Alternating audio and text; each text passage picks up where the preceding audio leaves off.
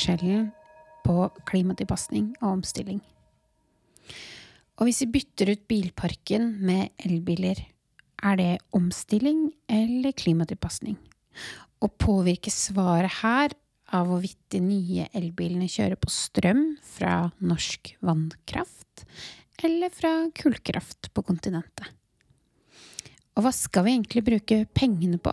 Skal vi bygge vindmøller til havs, eller skal vi lage blå hydrogen på land?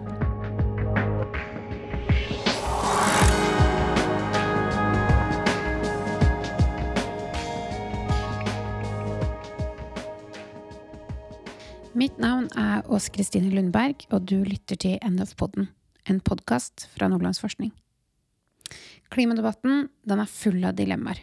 Og vi har fått med oss forskerne Grete Hovelsrud og Brikk Dale for å diskutere om vi tilpasser oss i hjel. Men vi skal også rekke å snakke om hvor mye nerding man kan måtte gjøre som klimaforsker før man bestemmer seg om man skal kjøpe en elbil eller ikke. Og vi skal også innom Nord-Norge-banen, som det nå er flertall for Stortinget å bygge.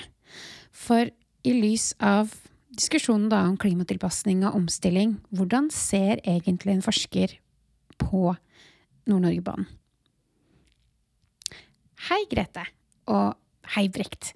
Dere er begge antropologer og har drevet med samfunnsvitenskapelig klimaforskning i en årrekke. Altså er dere veldig godt kvalifisert til å belyse de mange dilemmaene i klimadebatten, og de skal vi virkelig dykke ned i. Men først så lurer jeg på hva er egentlig forskjellen på klimatilpasning og klimakutt? Og når entra klimatilpasning inn i klimadebatten? Uh, og her, Grete, vil jeg gjerne at du skal begynne. Ja, eh, takk for det. Ja, Det er et interessant spørsmål. Og vi kan jo si at den første IPCC, altså FNs klimapanelrapport, kom i 1990. Og den belyste bare altså utfordringene klimaendringene ga til det globale, og, og hvordan det ville kreve internasjonalt samarbeid. Så har vi den andre rapporten, som kom i 1995. Og den var mer en sånn runner-up til Kyoto-protokollen. Og først i den tredje rapporten så fokuserte man på tilpasning. Det var i 2001, altså 20 år siden.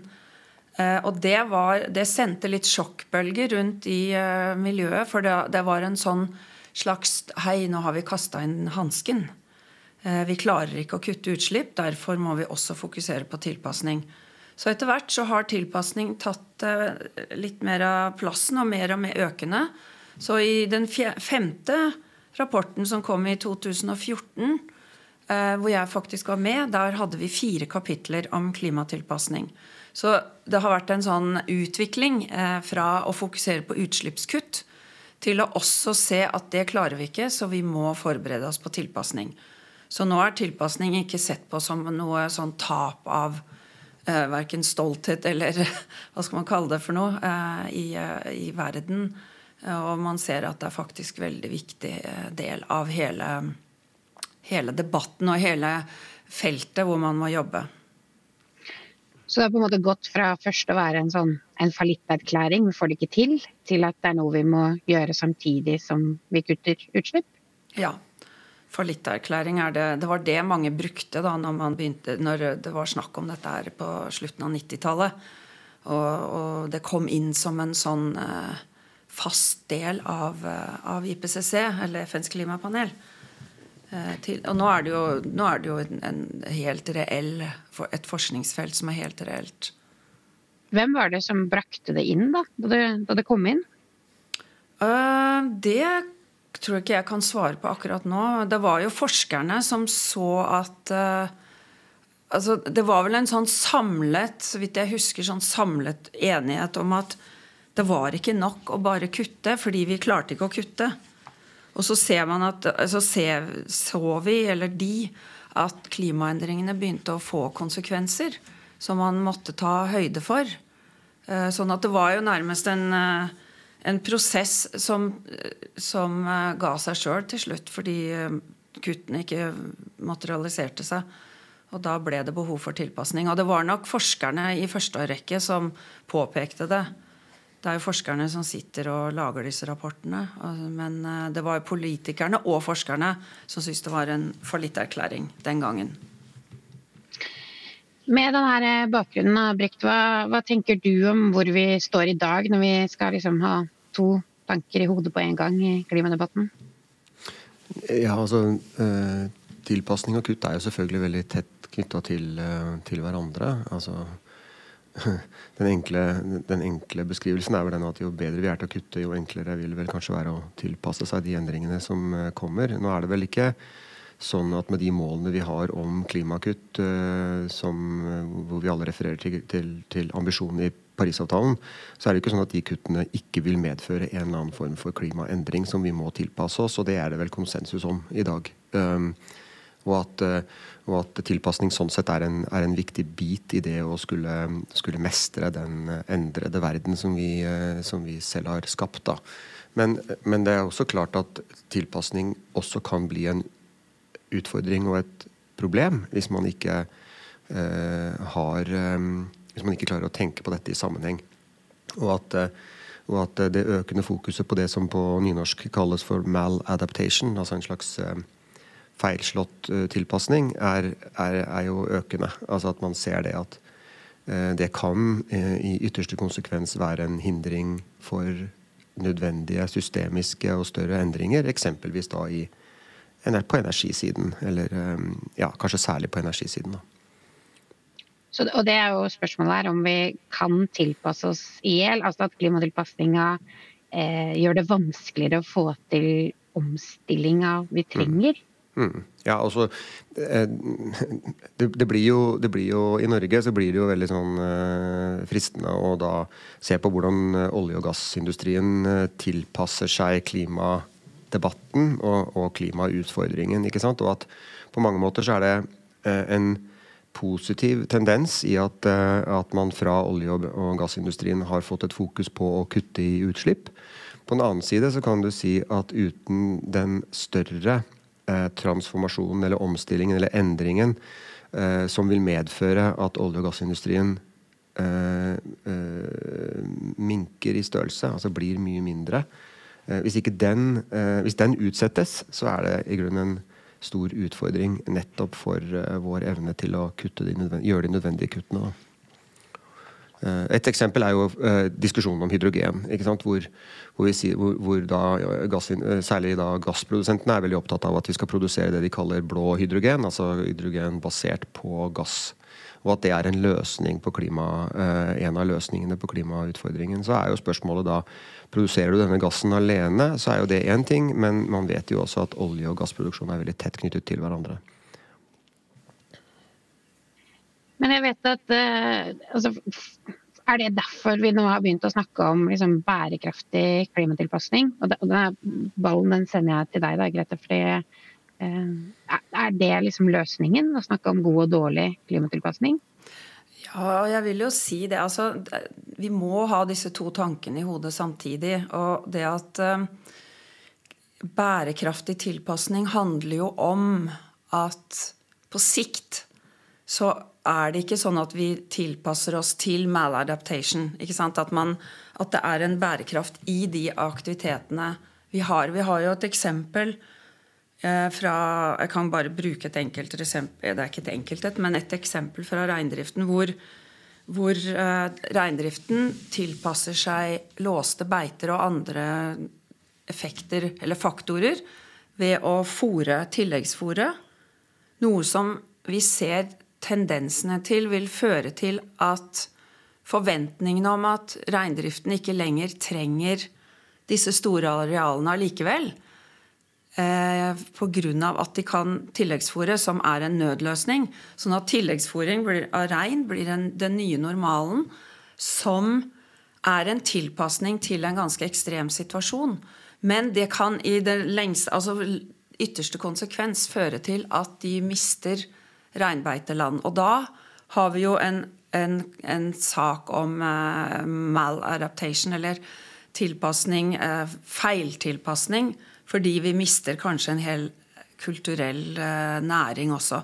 Så det er noen sånne ting som, som spiller inn. Men, men, det med kutt altså den ultimate, Jeg pleier å si at den ultimate tilpasningen er jo utslippskuttene. Mm. Altså At vi klarer å få til gode utslippskutt, er en god tilpasning.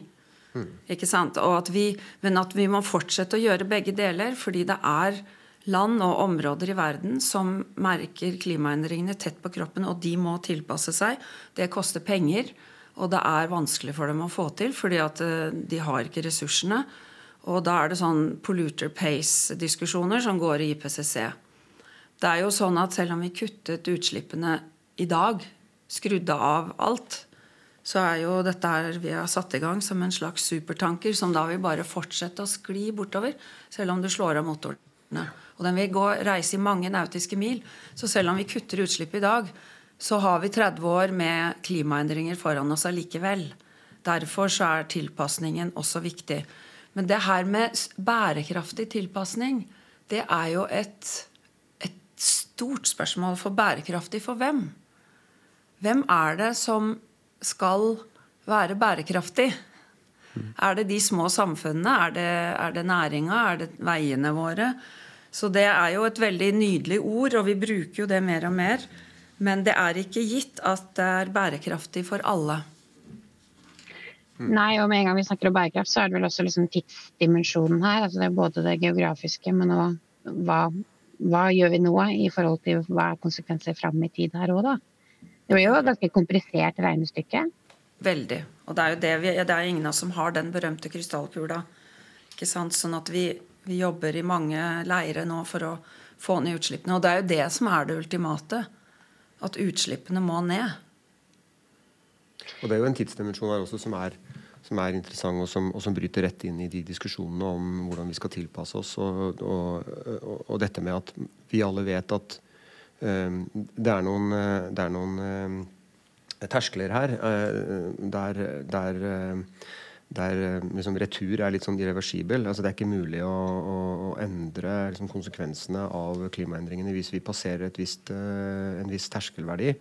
Og, og, det betyr jo at en del av den tilpasningen som vi skal gjøre, en del av de endringene vi skal få til, eh, vil kunne få negative konsekvenser nettopp på det med terskelverdi. Eksempelvis da, så kan man si at um, hvis det er viktig å gjøre ganske store kutt uh, fram mot uh, 2035-2040, uh, så bør det, eh, bør det, ligge der som en, en, viktig rettesnor i forhold til hva slags store um, endringsprosjekter man skal, megaprosjekter man skal sette i gang. Fordi at under bygging, under, uh, i, i, teknologiendring, så, så vil jo utslippene øke. Så du bygger en gigafabrikk f.eks. For, for batterier, eller, eller, ikke bare én, men sånn som Elon Musk sier da. Han sier at hvis vi hadde 100 gigafactories, altså megabatterinetter, så kunne vi erstatte olje- og gassektoren. Hvis du kobla det til grønn energi. Dette er jo sånne overforenklede modeller om hvordan man skal skape en bærekraftig verden, som egentlig ikke tar for seg det faktum at selve innføringen av ny teknologi er, eh, er utslippsdrivende. Og Hvis vi da har et lite vindu her nå hvor vi må gjøre utslippskutt, så må det inn i vurderingen. Det kompliserer på en måte uh, hele bildet. ikke sant? Fordi at Vi kan ikke da eksempelvis bygge Nord-Norge-bane uten å vurdere da hva, de der, hva, de, hva, det vil bety i et sånn kortsiktig utslippsscenario. da. Så der kom eh, Nord-Norgebanen. Det var den, den, du tenkte på når du sa mega, megaprosjekt? Det det ja, for I Norge så er jo det et av de prosjektene. Du kan sikkert trekke fram flere også, men det, dette er jo da blodferskt uh, off the press. Uh, nyheten om at det for første gang er uh, flertall på Stortinget for å bygge Nord-Norgebanen. det er klart For oss som er forskere i nord og opptatt av utvikling i nord, så er det et komplisert spørsmål. Det Eh, men, eh, men, som eh, Anders Bjartnes i Klimastiftelsen skrev i går, så, så er det veldig vanskelig å bruke bærekraftsargumentet for byggingen av Nord-Norge-banen. i hvert fall. Fordi at, både fordi at det har så store konsekvenser på nettopp på dette med det større bærekraftsbildet som Grete er inne på. ikke sant? At det er mer enn i anførselstegn klima og, og, og utslipp. Eh, men også fordi at det har store konsekvenser for eh, landskap og for, eh, og for biodiversitet og for, for det, det, det, større miljøspørsmålet. Men hva, hvis, hvis, man ikke kan bruke bærekraftsarg, hva er argumentet her da? For Utvikling av Nord-Norge. Ja. ja. det er jo den det, jeg, jeg, tenker litt på det som en sånn den, altså Argumentene er ofte at det er liksom kulminasjonen av den, det nasjonale prosjektet. Da, å binde landene sammen. Jeg hører jo det jo veldig ofte som et argument at det er kanskje det aller viktigste argumentet særlig nordfra. Det er at endelig skal vi knyttes til resten av landet. Som om ikke vi har hatt et veinett og et, eh, ikke minst et eh, flyplassutbygging av en annen verden i, i de siste 50 årene som, som, på mange måter har gjort den jobben. Men, men altså, dette med jernbane har en sånn har en sånn veldig dyp øh, øh, identitetsmessig klang. Da? Altså selv det at det faktisk finnes jernbane i nord, altså fra Narvik til og via Kiruna og, og, og videre til, til Europa. Så, så, er på en måte ikke det og, og, det faktum at det også går en jernbane til Bodø, da, eh, som jo er eh, halvveis oppe i Nord-Norge, mer eller mindre. Eh, så er på en måte ikke det godt nok i anførselstegn når, når, man da snakker om å skulle binde landet sammen. Den må liksom gå til Tromsø, som fremdeles heller ikke tar for seg hele landet, for så vidt. For Finnmark har jo heller ikke jernbane da. Så det er veldig sånn ja, det er, det, har et, det, noen, det, er en veldig sterk sånn politisk drive da, som, som handler om dette med nasjonal, nasjonsbygging, egentlig. Det tenker jeg. Og det er jo, det er jo ikke så Altså, det er jo ikke så realistisk heller, hvis du ser på hvordan de vurderer det. Altså, det kan ikke gå en jernbane inn til Tromsø. Den må antageligvis stoppe i Malangen. Og det er ikke sånn at de stasjonene som er i innlandet mellom Narvik og Tromsø, vil være nyttig for fiskeindustrien langs kysten. Nei. Så det er, en, det er noe sånn realitetsmangler Uh, her som, uh, som, jeg ikke helt forstår hvordan de tenker rundt.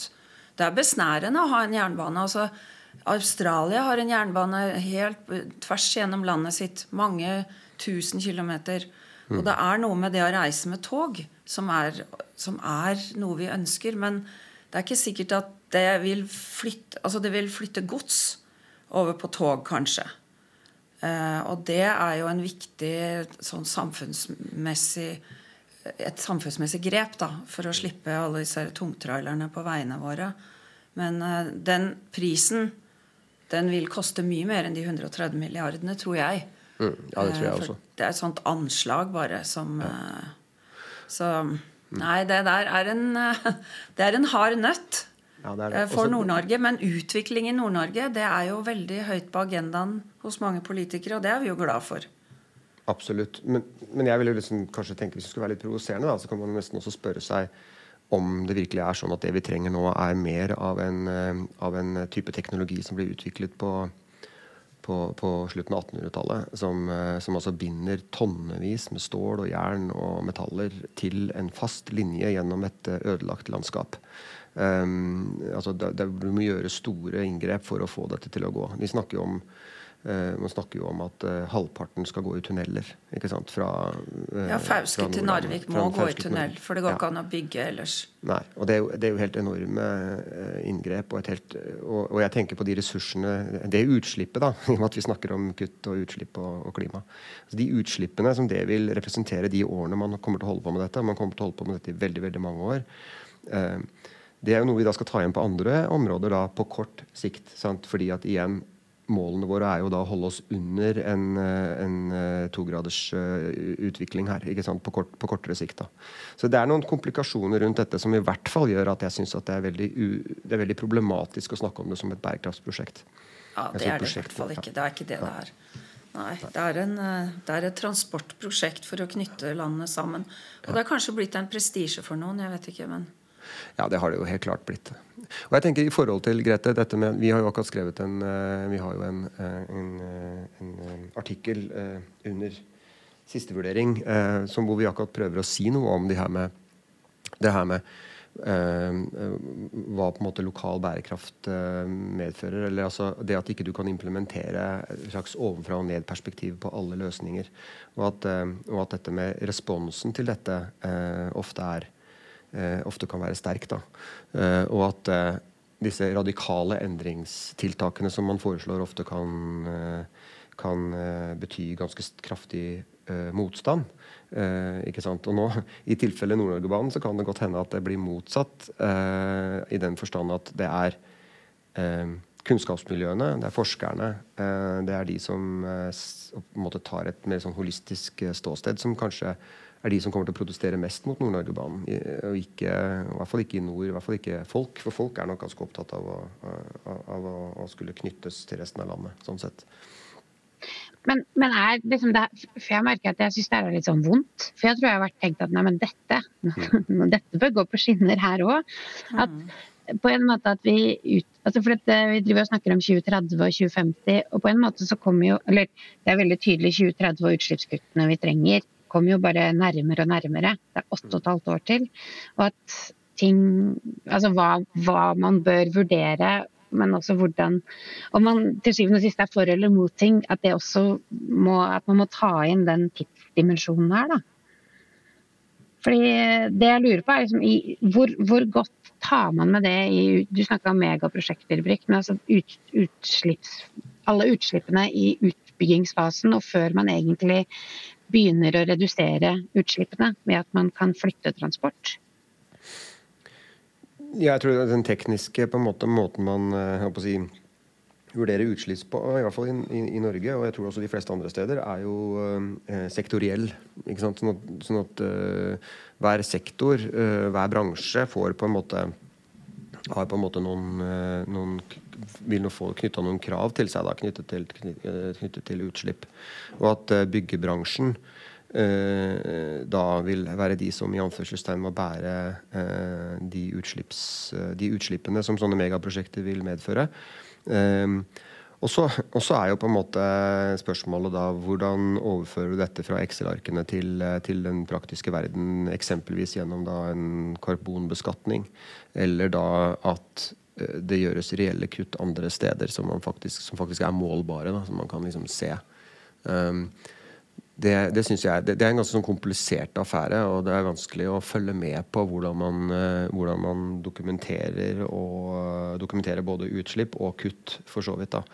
Um, så, uh, og så kan man jo også si det at hvis, man, hvis da eksempelvis staten da bestemmer seg for å bygge Nord-Norge-banen, er det ikke da staten som også burde ha ansvaret for de økte kuttene på kort sikt? Altså at, at de da burde, burde på en måte legge til rette for at vi uh, førte en politikk uh, som uh, førte til kutt andre steder. Som kompenserte for det. Dette er, jo sånne, dette er sånne spørsmål som vil kunne komme hvis man da skulle ha et, igjen da, hvis man skulle ha et sånn bærekraftsperspektiv på dette megaprosjektet. Da. Og da med, med friskere i mente debatten om CO2-avgift fra, fra klimameldinga nå nylig, så føler jeg ikke det er så veldig sånn opplagt at staten ville tatt et koordinerende ansvar for det. Nei, Nei de har jo jobbet i sektorer hele tida. Det, det, er jo veldig lite diskusjon mellom sektorene. Og det har jo vært kvotepliktig sektor og ikke-kvotepliktig sektor, og så skal man trekke det inn. Så jeg tror ikke staten De ville ikke se de ville tenke, Jeg ville tippe at de ville si at ja, på sikt så vil vi ha kuttet utslippene som følge av denne jernbanen. Det som eh, går med i CO2 under bygging, det tror jeg ikke det er noen som har regnet på engang. Kanskje. Anders Bjartnes, men Nei, det er jo ikke det, det, det, som er Altså, det er ikke der det ligger. Nei, nei. nei. Nei. Nei og, det, og, det, og, det, er nok um, Dette er nok en, um, uh, en diskusjon som jeg tror bør, uh, bør løftes litt. Um, at, at uh, det er en tidsdimensjon her. Og at uh, man bør uh, tenke seg nøye om uh, på hvordan de mer kortsiktige utslippsøkningene fra disse megaprosjektene påvirker, påvirker veien fram mot 2040.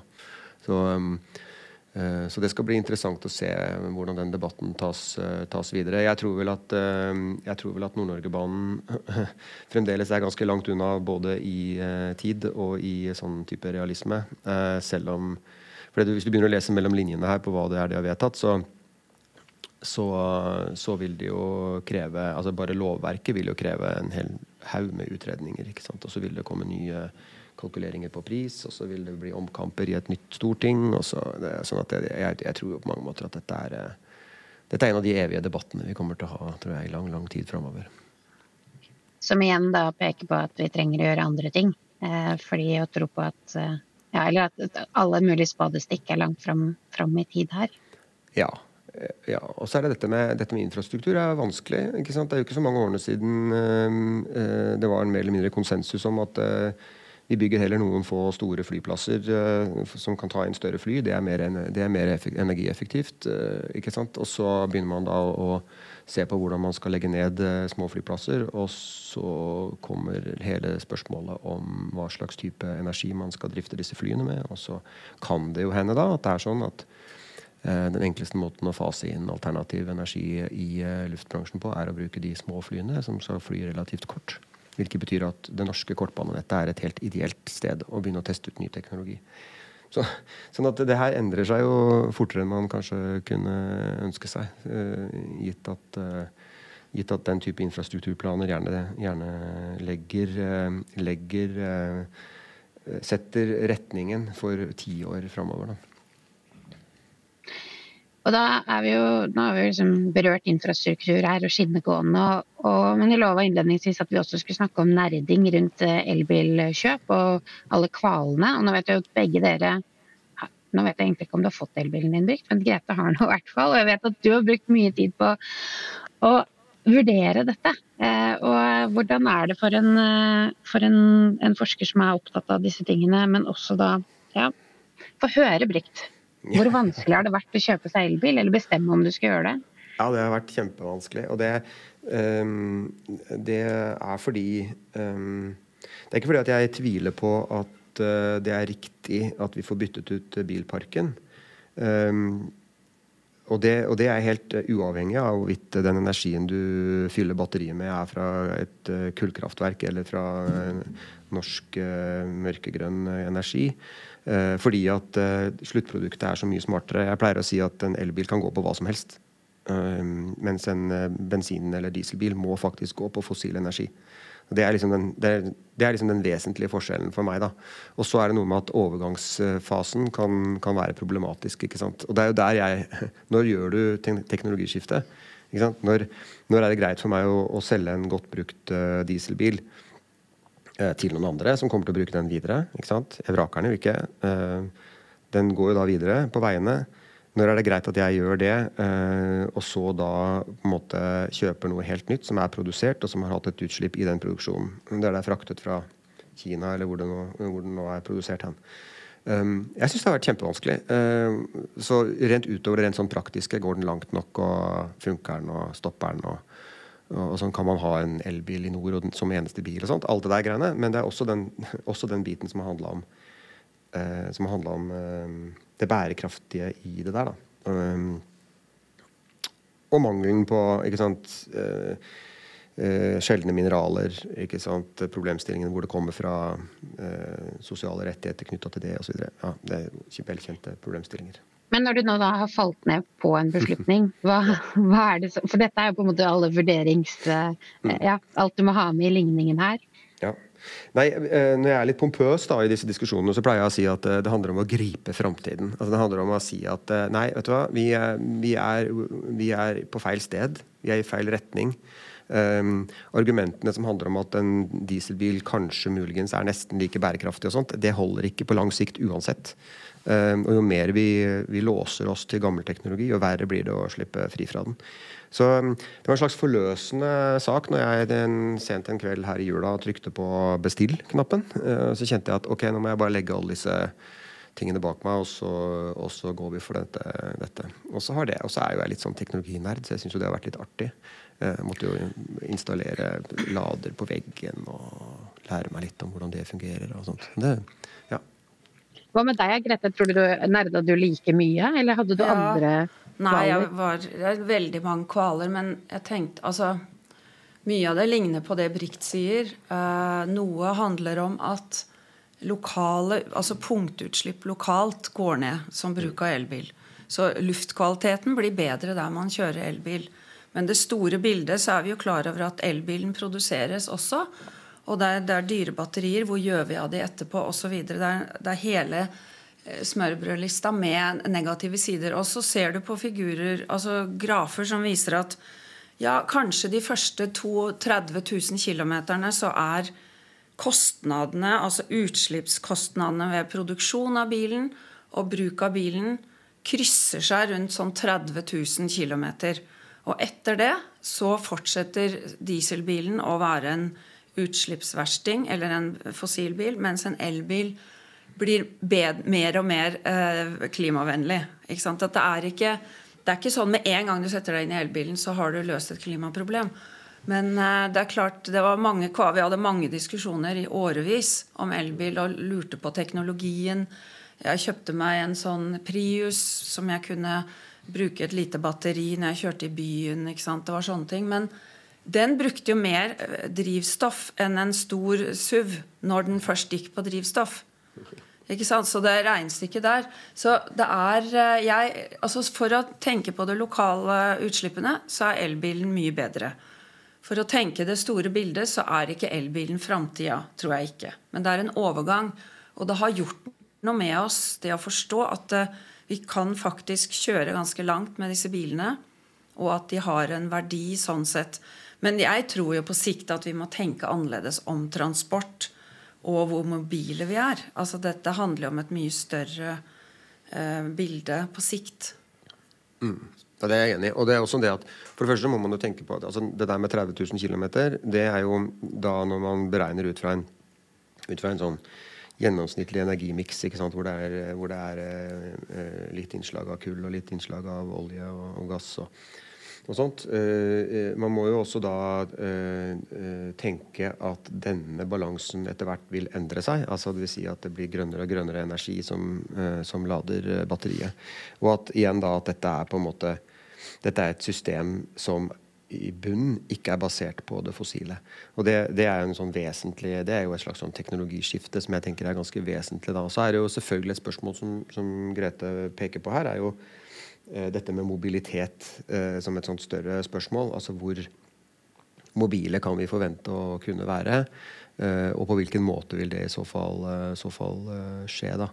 Det er jo et nytt spørsmål. Jeg tror jo veldig på at vi skal kunne klare å erstatte veldig mye av den energien vi, vi nå får fra fossile brensler, med annen energi. Men det må nok også en endring til i hvordan vi bruker det. Husk at energi med oljen så ble energi ikke bare lett tilgjengelig eh, og veldig mobil. altså Du kunne ta med deg energien rundt omkring. Den ble også utrolig billig. altså Relativt sett i forhold til det det ville koste å, å, å si, holde et, et, kull med hester gående, så, er, så, var på en måte oljen den store revolusjonen i form av eh, Eller kull først, da, og så olje i form av pris, rett og slett. Det er ekstremt billig å frakte ting rundt på planeten eh, hvis du ikke regner inn de negative konsekvensene. Og der kommer da igjen dette med spørsmålet om karbonbeskatning inn som en måte å presse fram denne teknologiendringen eh, på. det.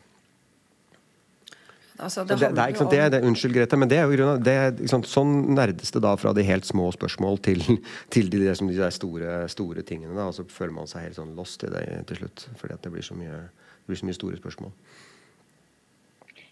Ja, og, og, men det er kanskje også noe av det som er bra med det som er store avgjørelser altså i hverdagen, om det er en bil eller ikke. Fordi det er kanskje de mindre beslutningene vi tar, siden vi ikke driver og regner på utslippskostnadene knytta til ja, mat eller klær eller duppeditter. Eh, fordi det er bare selvsagt på en annen måte, da. Men det er jo ikke sikkert at alle nerder like mye på å kjøpe elbil som dere to.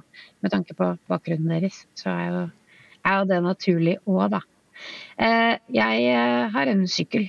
Eh, men den, den, den, er analog, så jeg vet ikke om det er fremtiden heller. Ja, Nei, neppe. Men det er jo det, dette store spørsmålet om altså omstilling til lavutslippssamfunnet. Hva er det? Hva er dette lavutslippssamfunnet går på?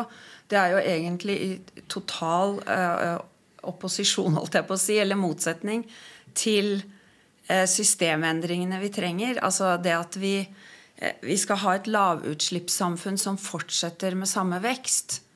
Det er jo det som er mantraen der ute i verden, også i de landene som kommer eh, sterkt på utviklingsfronten. At det er vekst som er, som er målet. Og da det er noen sånne dilemmaer der som er kjempevanskelige å tenke på.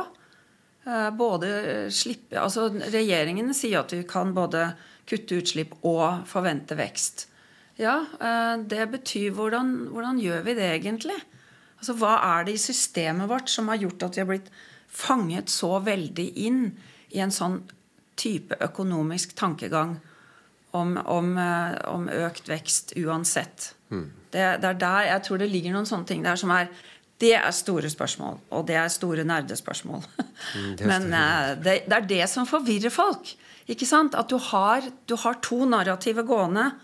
Så, for den vanlige folk som ikke tenker på det her til daglig, som er oppegående, de ser jo det. At det er et enormt dilemma og motsetning mellom de to. Så det er, eh, vi har mye å gjøre for, foran oss, vi som forsker på dette her, og jobber med det. Det bare slår meg at, eh, at jo mer vi eh, snakker om dette, jo mer komplisert kan det virke. Og, og, og det paradoksale i det er jo nettopp det at ofte så I dagens samfunn så retter man seg gjerne mot forskere og kompetansemiljøer for å få noen svar, altså få noen løsninger på ting. Og jeg, jeg, jeg har jo pleid å si at uh, fra mitt felt, da, fra min bakgrunn som antropolog, og det er du sikkert enig Grete, så, er, så har det vært minst like viktig å påpeke kompleksitet og, og synliggjøre uh, usynlige uh, problemstillinger som kompliserer ting. Fordi at hvis man ikke gjør det, så tar, gjør man ofte så kan man ofte ta feil valg. da, Ta feil beslutninger. Så jeg tror at Eh, ja. Vi må tåle at disse diskusjonene pågår, og at det er eh, kompleksiteter her som vi ikke nødvendigvis klarer å løse sånn på kort sikt. Og at selve spørsmålet om bærekraft er nettopp det. Altså den pågående diskusjonen, det pågående fokuset. Eh, og at det ikke er et mål der ute, frem, bare det. Et mål der framme et eller annet sted, men at det handler om hva vi gjør hver dag, og hvordan vi tenker om det, og hvordan vi diskuterer det. Det er viktig. Ja. Jeg kunne godt tenke meg også å snakke om hvordan eh, politikken blir utformet ut ifra et sånt ovenfra og ned-standpunkt, nasjonal politikk. For det, mm. det, med at det som både Brikt og jeg jobber med, det, de lokale forskjellene og den kompleksiteten der, den blir ikke fanget opp mm. i hvordan eh, politikken er utformet. Og det ser jeg i tilpasnings... Uh, altså politikken i Norge, den treffer ikke de ulike stedene. Og det svekker og underminerer jo også muligheten til å få med lokalsamfunn på dette her. Fordi det, det, hvis du blir bedt om å lage et flomsonekart og bor et sted hvor det ikke er en elv, så er det litt sånn Ok, her, vi, her er vi ikke kjent med vårt eget land. Så er, jeg tror det er mye der som kan gjøres. Og så har jeg veldig lyst til å snakke om dette med som kalles for deflection campaign. Altså at man avleder bort fra hvor beslutningene bør tas. Og så legges det over på oss individene. Jeg tror vi må ha veldig sterke ledere som kan, som kan tåle å lede oss i en annen retning. Og da tror jeg vi er klare, mange av oss. De fleste er klarer til å følge. Og derunder kommer jo også diskusjonen om global, eh, global rettighet. Altså spørsmålet om den siste olje kunne jeg veldig godt tenke meg også diskutert i en framtidig podkast. Nemlig Eh, fordi at det handler nettopp om en type sånn tilpasningsstrategi fra, fra la oss si, vestlig eh, olje- og gassproduksjonsindustri. Eh, at, at man altså er en del av løsningen. Og at siden vi produserer grønnest, så bør vi også være de siste. Det tenker jeg er et kjempestort og interessant tema. Da var det Brikt som fikk det siste ordet. Og ikke overraskende så handlet det om olje. Eh, tusen takk til eh, Grete og Brikt for å ha delt av eh, kunnskap og tid og nerdeerfaringer. Og som dere hørte, så er det mer enn nok å ta tak i av eh, dilemmaer eh, og komplekse utfordringer i klimadebatten. Helt til slutt så skal vi sette over til eh, stemmen fra fremtiden. Eh, det kommer ikke til å være noen bensinbiler eller noen sånne biler med, med bensin og med elektrisitet. Bare elektriske biler. Mm. Og så er det Så er det ferdig.